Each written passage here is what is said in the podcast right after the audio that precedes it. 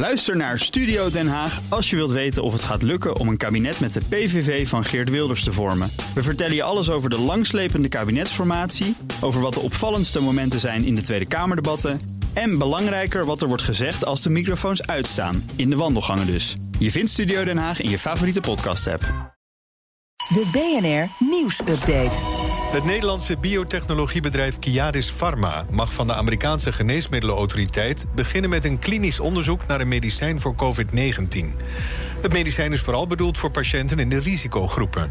Bij het medicijn draait het om het toedienen van extra NK-cellen. Dat zijn cellen die een rol spelen bij het uitschakelen van schadelijke stoffen en cellen. Je hoort topman Arthur Laar van Kiadis Pharma. Bij uh, patiënten met COVID werkt vaak het immuunsysteem niet goed. En hoe ernstiger de ziekte, hoe vaker uh, NK-cellen uh, lijken te ontbreken. Dat blijkt uit, uit heel veel onderzoek. Dus er is een hele, hele, heleboel logica om NK-cellen toe te voegen, om die uh, ontbrekende NK-cellen aan te vullen. Het nieuwe medicijn zal grotendeels gebruikt worden als aanvulling op een vaccin. Zeker 50 scholen in het basisonderwijs hebben coronatests van commerciële aanbieders gekocht. Omdat leerkrachten lang moesten wachten op een plekje bij de GGD.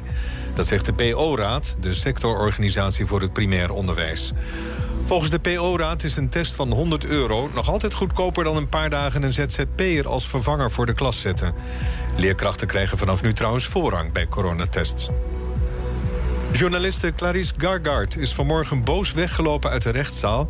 waar een zaak diende tegen 25 mensen... die haar op Facebook ernstig zouden hebben gediscrimineerd. Advocaat Sidney Smeets vertelt op AT5 waarom het Gargard te veel werd. Ze wil heel graag aandacht voor het feit dat hier ernstige racistische beledigingen zijn geuit... en ernstige bedreigingen zijn geuit. Maar door de gang van zaken afgelopen weekend gaat het daar opeens niet meer over. De officier is van de zaak gehaald. Er is een nieuwe officier op de zaak gekomen. Een officier waar ze nog nooit mee heeft... die ze niet kent, die op geen enkele wijze in dit dossier eerder in beeld is geweest. Tegen de eerste vier mensen die terecht stonden... heeft het OM boetes en taakstraffen geëist. Het strafproces duurt nog een paar dagen. De Mensenrechtenraad van de Verenigde Naties bespreekt vrijdag de situatie in Belarus op aandringen van Duitsland. Volgens Duitsland gaat het in Belarus hard achteruit met de mensenrechten sinds de omstreden verkiezingen van een maand geleden. 25 leden van de Mensenrechtenraad steunden het Duitse verzoek. Twee landen stemden tegen en 20 onthielden zich van stemming.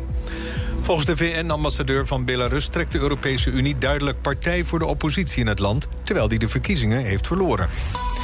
Het weer zonnig en warm, 23 graden op de Wadden tot plaatselijk 31 in het oosten. Vanavond blijft het nog lang lekker buiten. Ook morgen veel zon en dan wordt het zelfs nog een paar graden warmer. Wil je meer nieuws? Ga naar bnr.nl. Ook Hugo Reitsma vind je in de BNR-app. Superhandig die BNR-app. Je kunt alle programma's live luisteren, breaking nieuwsmeldingen. Je blijft op de hoogte van het laatste zakelijke nieuws. En je vindt er alle BNR-podcasts, waaronder natuurlijk de belangrijkste, Boeken zijn in de wijk. Download nu de gratis BNR-app en blijf scherp.